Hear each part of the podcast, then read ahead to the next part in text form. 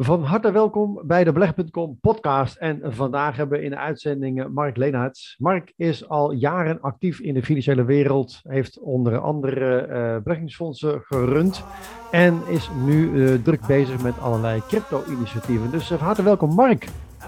De grote vraag is dit. Hoe verdienen beleggers zoals wij, die niet de hele dag achter een scherm willen zitten of veel risico willen lopen, geld met beleggen met bewezen succesvolle strategieën? Dat was de vraag en deze podcast geeft je de antwoorden. Welkom bij de Beleg.com podcast. Dankjewel Harm. Kan jij wat eh, vertellen over uh, hoe jij hier zo gekomen bent in deze hele financiële wereld uh, met crypto's en fondsen en uh, wat je allemaal, allemaal hebt gedaan daarvoor? En zeker, zeker. ja, het gaat alweer een tijdje terug. ik ben vrij jong begonnen met beleggen, op de dertiende. Dus dat is inmiddels 25 jaar geleden. Um, en ja, in die 25 jaar heb ik eigenlijk uh, in bijna alle type beleggingen wel een keer wat geprobeerd. Uh, ofwel persoonlijke titel, ofwel uh, met, samen met anderen, voor anderen, noem maar op. ik ben van oorsprong een, echte aandelenbelegger. aandelen hebben van het begin altijd mijn, mijn aandacht getrokken. maar sinds 2008 um, ehm, zie ik dat er toch iets geks gebeurt in de aandelenwereld. Um, en dat de, de, oude mechanismen, koers-winstverhoudingen, uh, schulden, dat dat soort uh, ja, um, uh, statistische maatstaven niet meer werken zoals voorheen.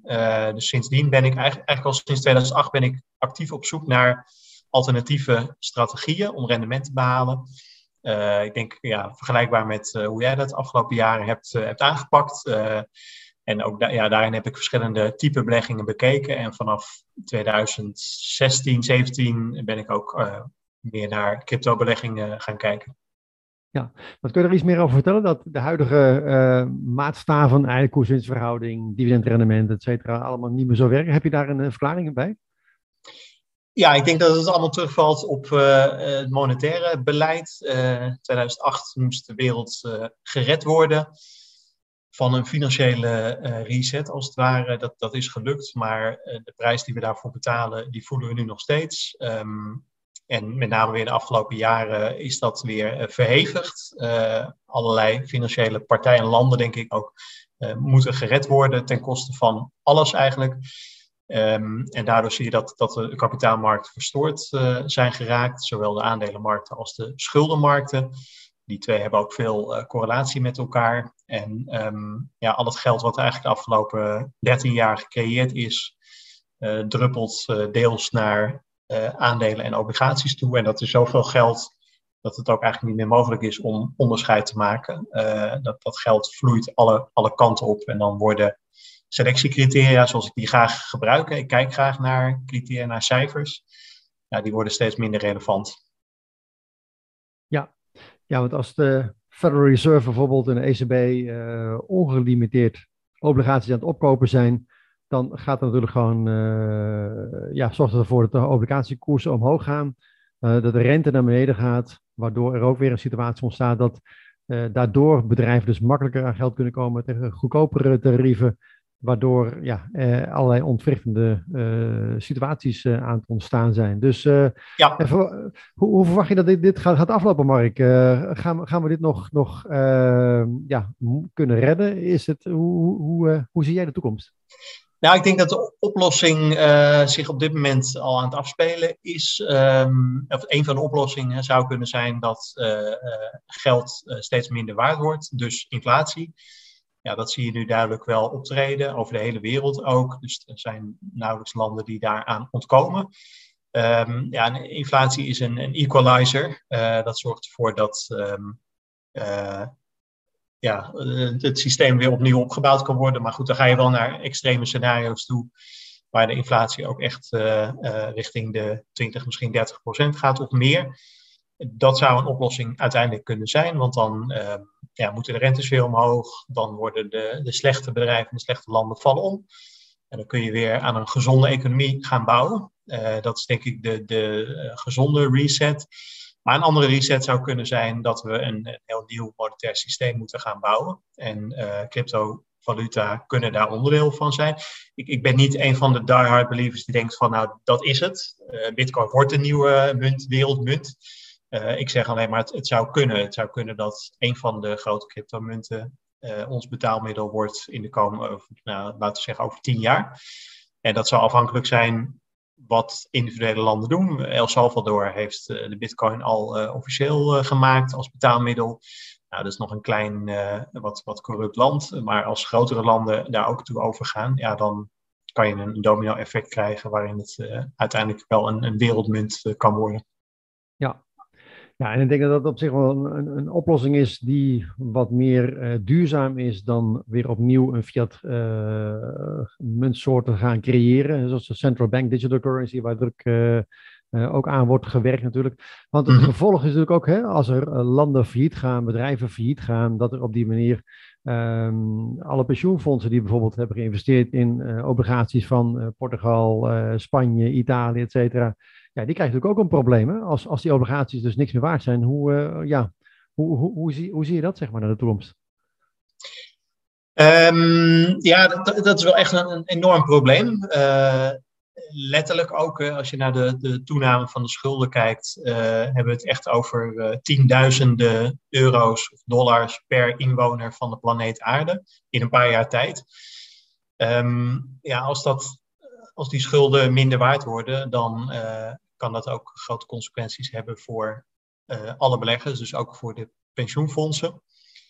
Um, ik weet niet precies hoe dat zich gaat uitwerken, uh, maar ik denk dat we ook wel alternatieven voor pensioenen nodig hebben. Ik heb zelf gelukkig nooit pensioen opgebouwd via een werkgever. Uh, dus ik probeer het op eigen manier in te richten. Um, maar ik denk dat dat voor heel veel mensen verstandig zou zijn als ze wat meer het heft in eigen handen nemen en wel alternatief opzoeken voor hun pensioenportefeuille met grotendeels Shell en ehm, Unilever daarin. Ja. Ja, want zelf verwachten we dat betreft nog wel iets meer van aandelen dan van obligaties. zeker op dit moment. We zien eigenlijk sinds de jaren 80 dat die aan, of de obligatiekoersen steeds verder zijn opgelopen. Omdat eigenlijk sinds de jaren 80 de rente eigenlijk alleen maar is gedaald. Mm dus ja, de afgelopen jaren had je denk ik goed kunnen verdienen aan obligaties. Ik zie zelf in ieder geval uh, met een negatieve yield, een negatief rendement op obligaties of uh, rond een nul, daar niet echt heel veel uh, ruimte meer voor. Plus, ja, als die obligaties natuurlijk gaan defaulten, hè, als, omdat de overheden gewoon niet meer in staat zijn om die rentelasten op te hoesten, bedrijven niet meer in staat zijn om de rentelasten op, op te hoesten, krijg je natuurlijk gewoon een, ja, ook een soort domino-effect dat er op een gegeven moment een hoge rentevergoeding wordt gevraagd, waardoor er nog meer landen in de problemen gaan komen en ja, dan is het, uh, ja, uh, waar nu zeg maar een overdrijving naar boven is qua obligatiekoersen, zal wat mijn idee, uh, zal het ook weer een overdrijving naar beneden zijn. Mm -hmm. um, en dan is misschien de aandelenbeurs natuurlijk gewoon wel een, een, ja, een nog relatief veilige haven misschien. Ja, de, de Zwitserse Centrale Bank is een mooi voorbeeld. van Zwitserland blijft natuurlijk een van de meest stabiele landen, ook qua valuta. Uh, de Zwitserse frank is nog steeds erg in trek. Dat is een teken aan de wand. Maar uh, wat nog typischer is natuurlijk dat centrale bank, uh, de Zwitserse centrale bank actief aandelenkoper is. Met name in de VS hebben ze echt voor miljarden, tientallen miljarden aan, aan, aandelen gekocht. Ja, dat toont al aan dat het vertrouwen in andere staatsobligaties van andere landen aan het afnemen is. dat zie je ook aan, aan China. Je kan heel goed bijhouden hoeveel China aan, aan, Amerikaanse staatsobligaties koopt. Dat bedrag is gewoon gedaald de afgelopen jaren. Dus ik, ik, ik, zie het ook wel in, hand in hand gaan met een vorm van deglobalisering. Waarin landen steeds meer uh, op zichzelf komen te staan. Dat zien we natuurlijk ook aan de Brexit. En dat zal ook op een of andere manier moeten uitwerken in, uh, in koersen. En ik ja, geloof daarom ook dat we, of dat beleggers misschien wat meer moeten kijken naar lokaal opererende bedrijven, dat die nog wel eens als de winnaars uit de bus kunnen komen. Uh, in plaats van de, ja, de enorme multinationals, uh, die, die uh, ook groter zijn dan ooit natuurlijk Apple op, op 3 triljoen, sorry, 3, 3 biljoen dollar.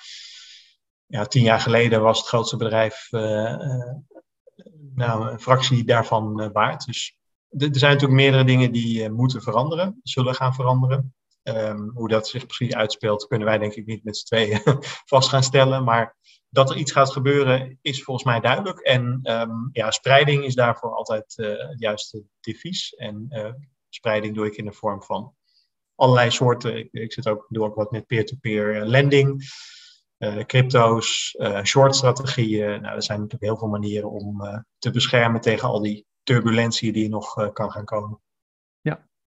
En dus ook gewoon cryptocurrency. Dat zie je ook al wel als, een, als een goede uh, manier om je, om je vermogen te spreiden. Dus kan je daar iets meer over vertellen, hoe je dat precies doet?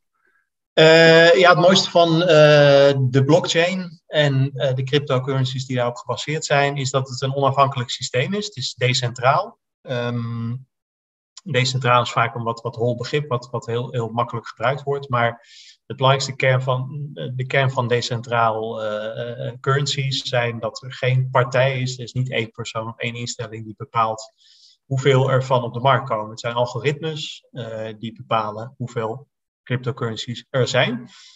En dat maakt um, het eigenlijk een stabielere currency dan euro's en dollars, die ongebreideld snel worden bijgedrukt. Um, dat zorgt nu nog voor bepaalde stabiliteit. Maar als het inderdaad allemaal misgaat, zoals we net hebben besproken, uh, dan denk ik dat cryptocurrencies veiliger zijn, omdat um, ja, het niet een bepaalde richting opgeduwd kan worden. Uh, er is sprake van schaarste, dus het, zijn deflatoren instrumenten. Er, worden, komen er, uh, ja, er is een bepaalde hoeveelheid beschikbaar. Vaak gaan ze ook nog verloren. Mensen raken wallets kwijt. Of, nou, er zijn allerlei manieren waarop uh, crypto's um, uit het systeem uh, gehaald kunnen worden. Dus in principe um, ja, worden, worden de, wordt de waarde steeds sterker. Dat is ook iets wat je de afgelopen 13 jaar hebt gezien, 14 jaar sinds de Bitcoin bestaat. Per saldo is het altijd gestegen, ondanks alles wat er gebeurt in de wereld of toezichthouders die het willen verbieden. Per saldo blijft het stijgen ja, er zal een moment in de, in de geschiedenis of in de toekomst komen um, waarin bepaald wordt, van, nou, is het, is het ook echt een nieuw uh, betaalmiddel? Ga, gaan we het gebruiken in het dagelijks uh, verkeer? Of blijft het een, een beleggingsinstrument uh, die hetzelfde, diezelfde functie heeft als goud? Goud is ook geen betaalmiddel, maar ja, er zijn wel centrale over, overheden en centrale banken en grote beleggers die het gebruiken als hedge tegen inflatie ik zie cryptocurrencies uh, ja, dezelfde richting opgaan. Uh, met als één groot voordeel, het is een technologisch ook heel geavanceerd systeem. De blockchain is een heel slim mechanisme. Uh, wat niet alleen decentraal is, maar ook nog eens heel transparant. Iedereen kan bijhouden wat er gebeurt in die blockchain. Dus het is een, een, een eerlijk deflator systeem. En daarmee een, een heel mooi alternatief voor euro's of dollars. Ja, ja, als ik dus kijk naar bijvoorbeeld de, eh, de, de geldhoeveelheid, de M1 geldvoorraad van, uh, van Amerika, geproduceerd door de, door de Fed, door de Federal Reserve Bank. En in St. Louis, die houdt dat ook nauw erbij. En dan zie je bijvoorbeeld dat de hoeveelheid dollars in 2020 was nog 4000 biljoen. En staat op dit moment boven de 20.000 biljoen. Dus dat is eigenlijk gewoon in 1, 2 jaar is dat gewoon uh, vervijfvoudigd. Uh, ja, wat, wat, hoe, hoe, kijk jij daar tegenaan, tegen zo'n enorme uh, geldcreatie? nou, simpelweg, ja, dat, dat moet wel in, in tranen aflopen, zou, zou je zeggen, inderdaad. Natuurlijk komt het niet allemaal de reële economie in, want dan zou de inflatie nog wel een stukje hoger liggen. Maar ja, het, het, lijkt tegenwoordig alsof schulden maken iets positiefs is. als je kijkt ook naar de Nederlandse overheid. Uh, en ze willen heel veel geld investeren, miljarden. Nou, het gaat overal naartoe. Um, maar ja, er wordt niet afgevraagd wanneer dat geld terugbetaald wordt, tegen welke voorwaarden, of het ooit terugbetaald wordt. En dat zie je in, in, in vrijwel alle landen in de wereld, behalve in de opkomende markten. Um, in Turkije bijvoorbeeld, of, of Brazilië, Argentinië daar lijken die mechanismen nog wel te werken. En dan zie je, heb je ook meteen een goed voorbeeld wat voor ellende het uiteindelijk kan opleveren. Als je je geldsysteem zo uitholt door maar uh, geld bij te drukken, um, ja, moet dat vroeg of laat een keer leiden tot uh, hoge inflatie, hoge rente om dat weer op te lossen. Uh, nou, in de jaren zeventig hebben we ook precies hetzelfde scenario gezien. Alleen ja, als je inderdaad die, die cijfers vergelijkt met geldhoeveelheid, is het nu allemaal veel extremer dan in de jaren zeventig.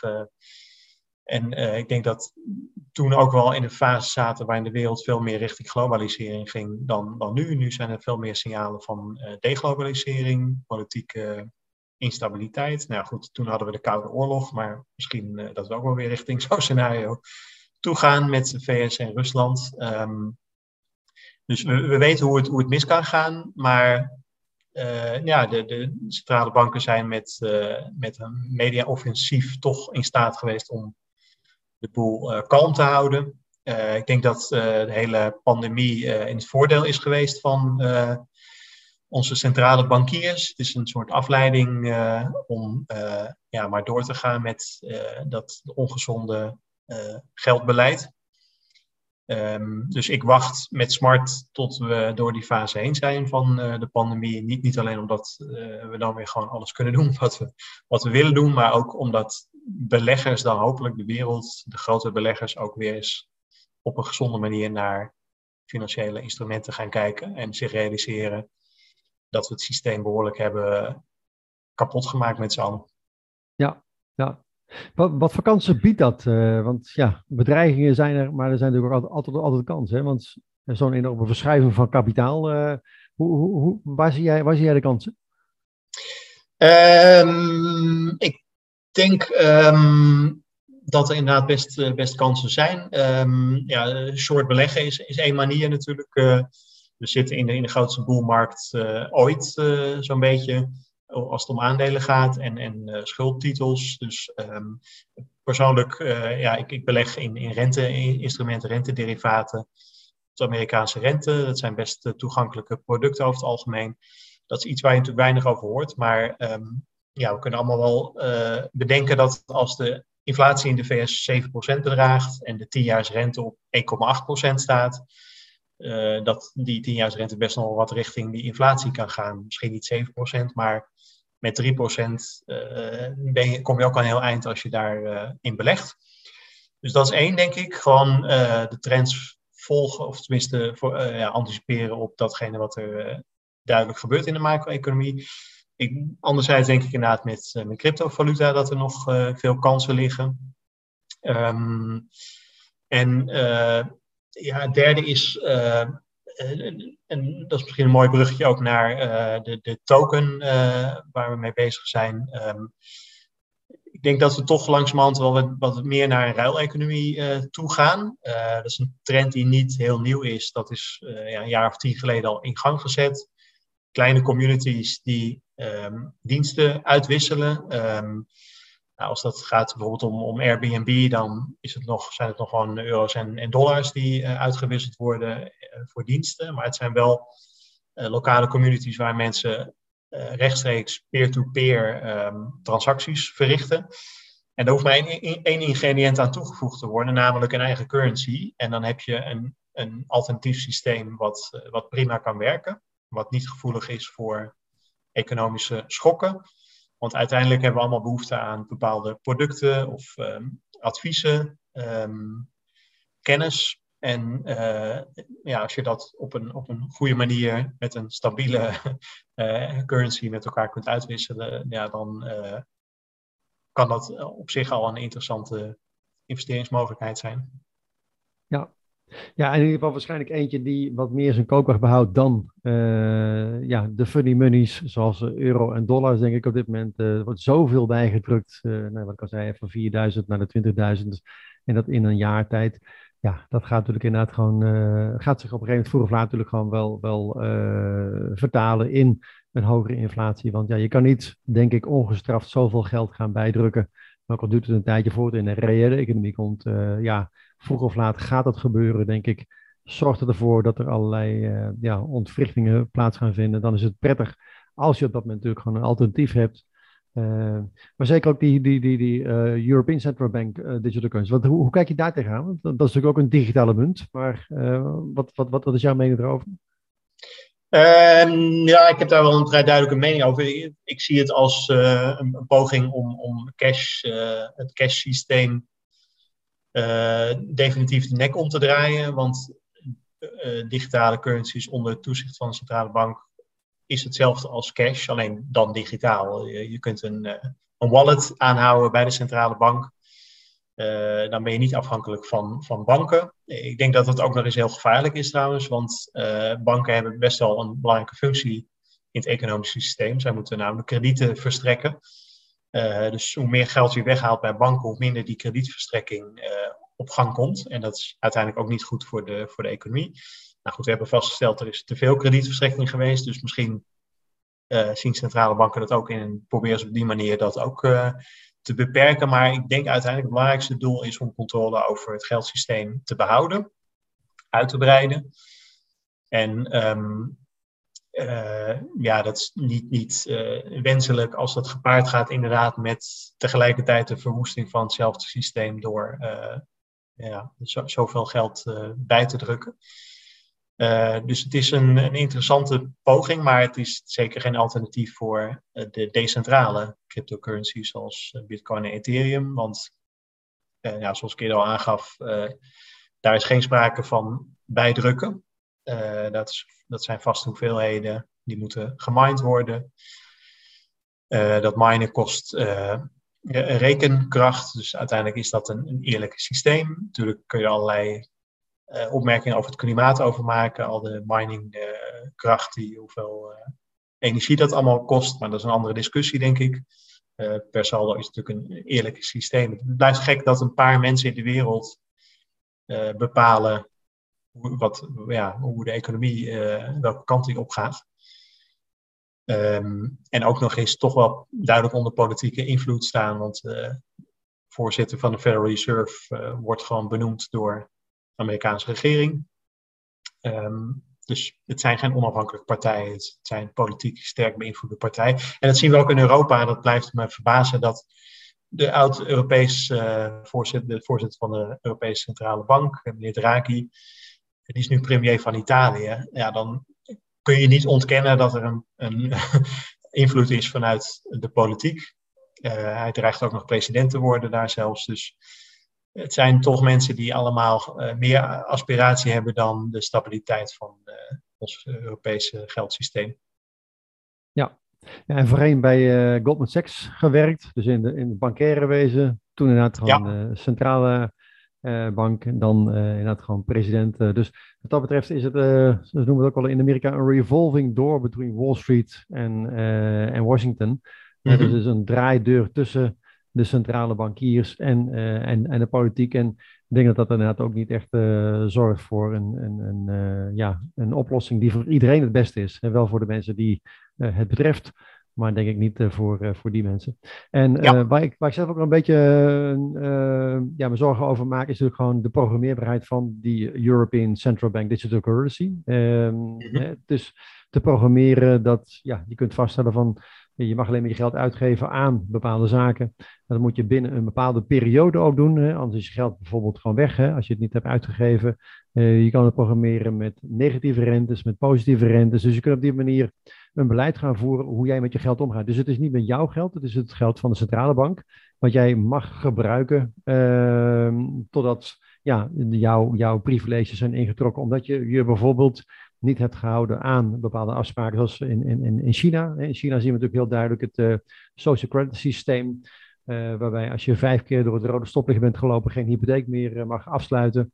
Um, ja, hoe, hoe, hoe, zie je die, die combinatie tussen ehm, ja, de, de overheid, de, de, de, de, de centrale bank die op dat moment ja, jouw rekeningen kan controleren, precies weet waar je, waar je je geld aan uitgeeft waar je geld aan moet uitgeven en ja, eventueel ook jouw saldo op nul kan zetten op het moment dat je je niet uh, conformeert aan het, uh, aan het bestaande narratief. Ja, het is, absoluut uh, gevaarlijk en dan, gaat, ja, dan kun je al snel de vergelijking maken met, met ons, ons buurland, Duitsland. het is niet heel gek dat mensen daar zo dol zijn op cashgeld, want ze hebben natuurlijk gezien hoe het, uh, op overheidsniveau mis kan gaan. En ik denk dat je altijd rekening moet houden met zo'n scenario. Um, en dat is het mooie van dingen decentraal maken en de macht beperken van bepaalde instellingen.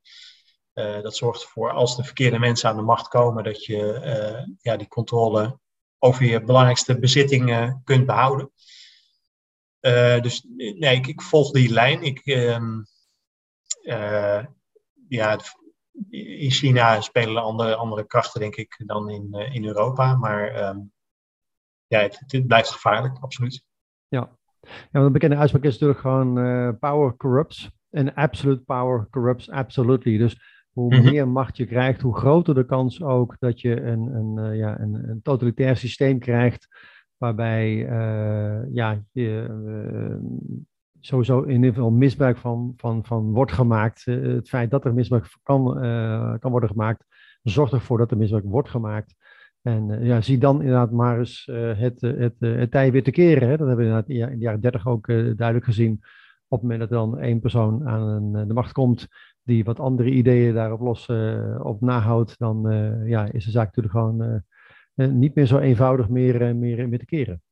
Ja, dat is niet ondenkbaar, want ik heb me ook hoogst, verbaasd over alle beleggingstransacties van verschillende Federal Reserve leden en andere politici. Um, ja, dat toont wel aan dat er een bepaalde mate van, van corruptie in het systeem al zit.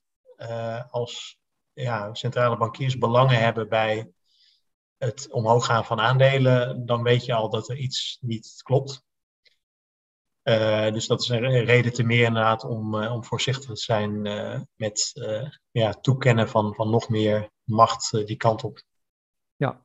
ja, dus ik denk dat we eigenlijk wel kunnen constateren dat het decentraliseren van de macht, onder andere decentraliseren van cryptocurrency, uh, geld voor de mensen, door de mensen, van de mensen. Dat dat eigenlijk een, een, een, betere oplossing is voor de meeste mensen. Misschien dan niet voor de centrale bankiers, maar wel denk ik voor alle mensen uh, ja, die werken voor het geld. Want eigenlijk is het geld natuurlijk ook gewoon een, een, een, ja, een store of energy. Hè? Je, je stopt ergens energie in, je werkt ergens voor of je geeft ergens, je voegt, voegt ergens waarde aan toe. Um, en je wilt het op die manier ook uh, oppotten. Je wilt het op die manier kunnen eh, op een later tijdstip kunnen aanwenden voor iets waar je op dat moment iets. Uh, en dat dat niet uh, kan worden beïnvloed door iemand die daar een mening over heeft. Waar je je geld aan moet uitgeven, wanneer je dat gewoon moet gaan doen. Dus ik denk dat ja, crypto wellicht wel gewoon de redding is van de mensheid. Klinkt misschien dramatisch, maar ja, ik denk dat dat. ja. Hoe, hoe, hoe, kijk jij daar tegenaan? ja, ik zie het zeker als, als een van de scenario's. Um, het, het, grappige van cryptovaluta is, het is heel, heel internationaal. Um, het, is, het heeft totaal geen links met, met landen. Dat zie je aan de, de DAO's, de Decentralized Autonomous Organizations. Um, dat is eigenlijk een hele mooie uh, term. Het is, het is decentraal, het is autonoom. Uh, maar het is wel een organisatie waarin mensen uh, zaken met elkaar regelen.